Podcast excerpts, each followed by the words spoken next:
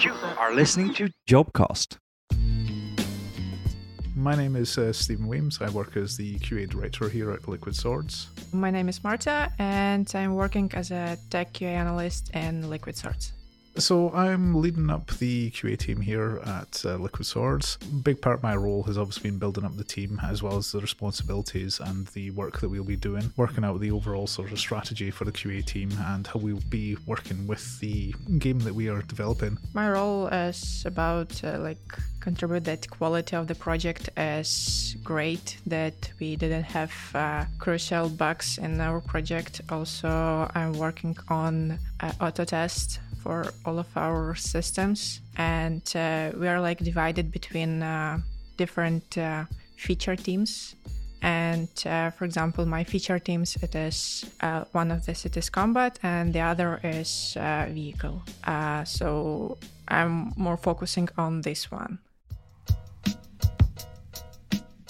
Well, generally speaking, we're looking for people who have some QA experience, but not necessarily the most in depth. What we're looking for more is people who are enthusiastic to the work that we're doing, who have a sort of keen, you know, knowledge and enthusiasm for QA in general, but also a willingness to learn the tools, the technology that we'll be using in the game.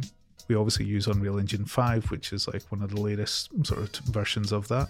Uh, and there's a lot of you know tools and technology available for use with it. The work that we do as QA is a mixture of manual, automated testing, uh, working. For, you know, we're fully embedded with the team as well, so there's a lot of emphasis on being good at communication uh, with the development team, and obviously, you know, when we get outsourcing partners involved as well, there'll be a degree of that there as well.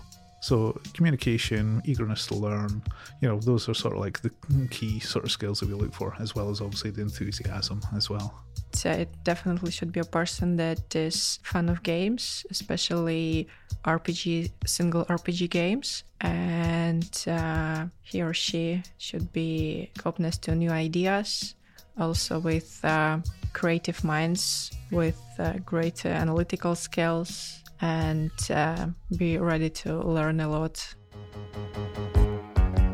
So the opportunities that we offer as a QA at Liquid Swords are uh, you know, one of, one of the big advantages is that we're very much embedded fully with the team. Uh, you know, and everyone is bought into that. A lot of the times, working as QA, you can often feel like you're fenced off into the QA dungeon, or you know, very separate from the actual process of the game development itself. So as part of what we do at Liquid Swords is that the QA are sitting right next to the developers that they're working with. They are constantly back and forth with conversations, with questions on both sides of the fence. We have developers asking the QA, well, you know, a lot of questions, uh, you know, for their take and their input, and you know, it helps to make the QA feel much more valued as part of the process and not just an external party sort of looking in.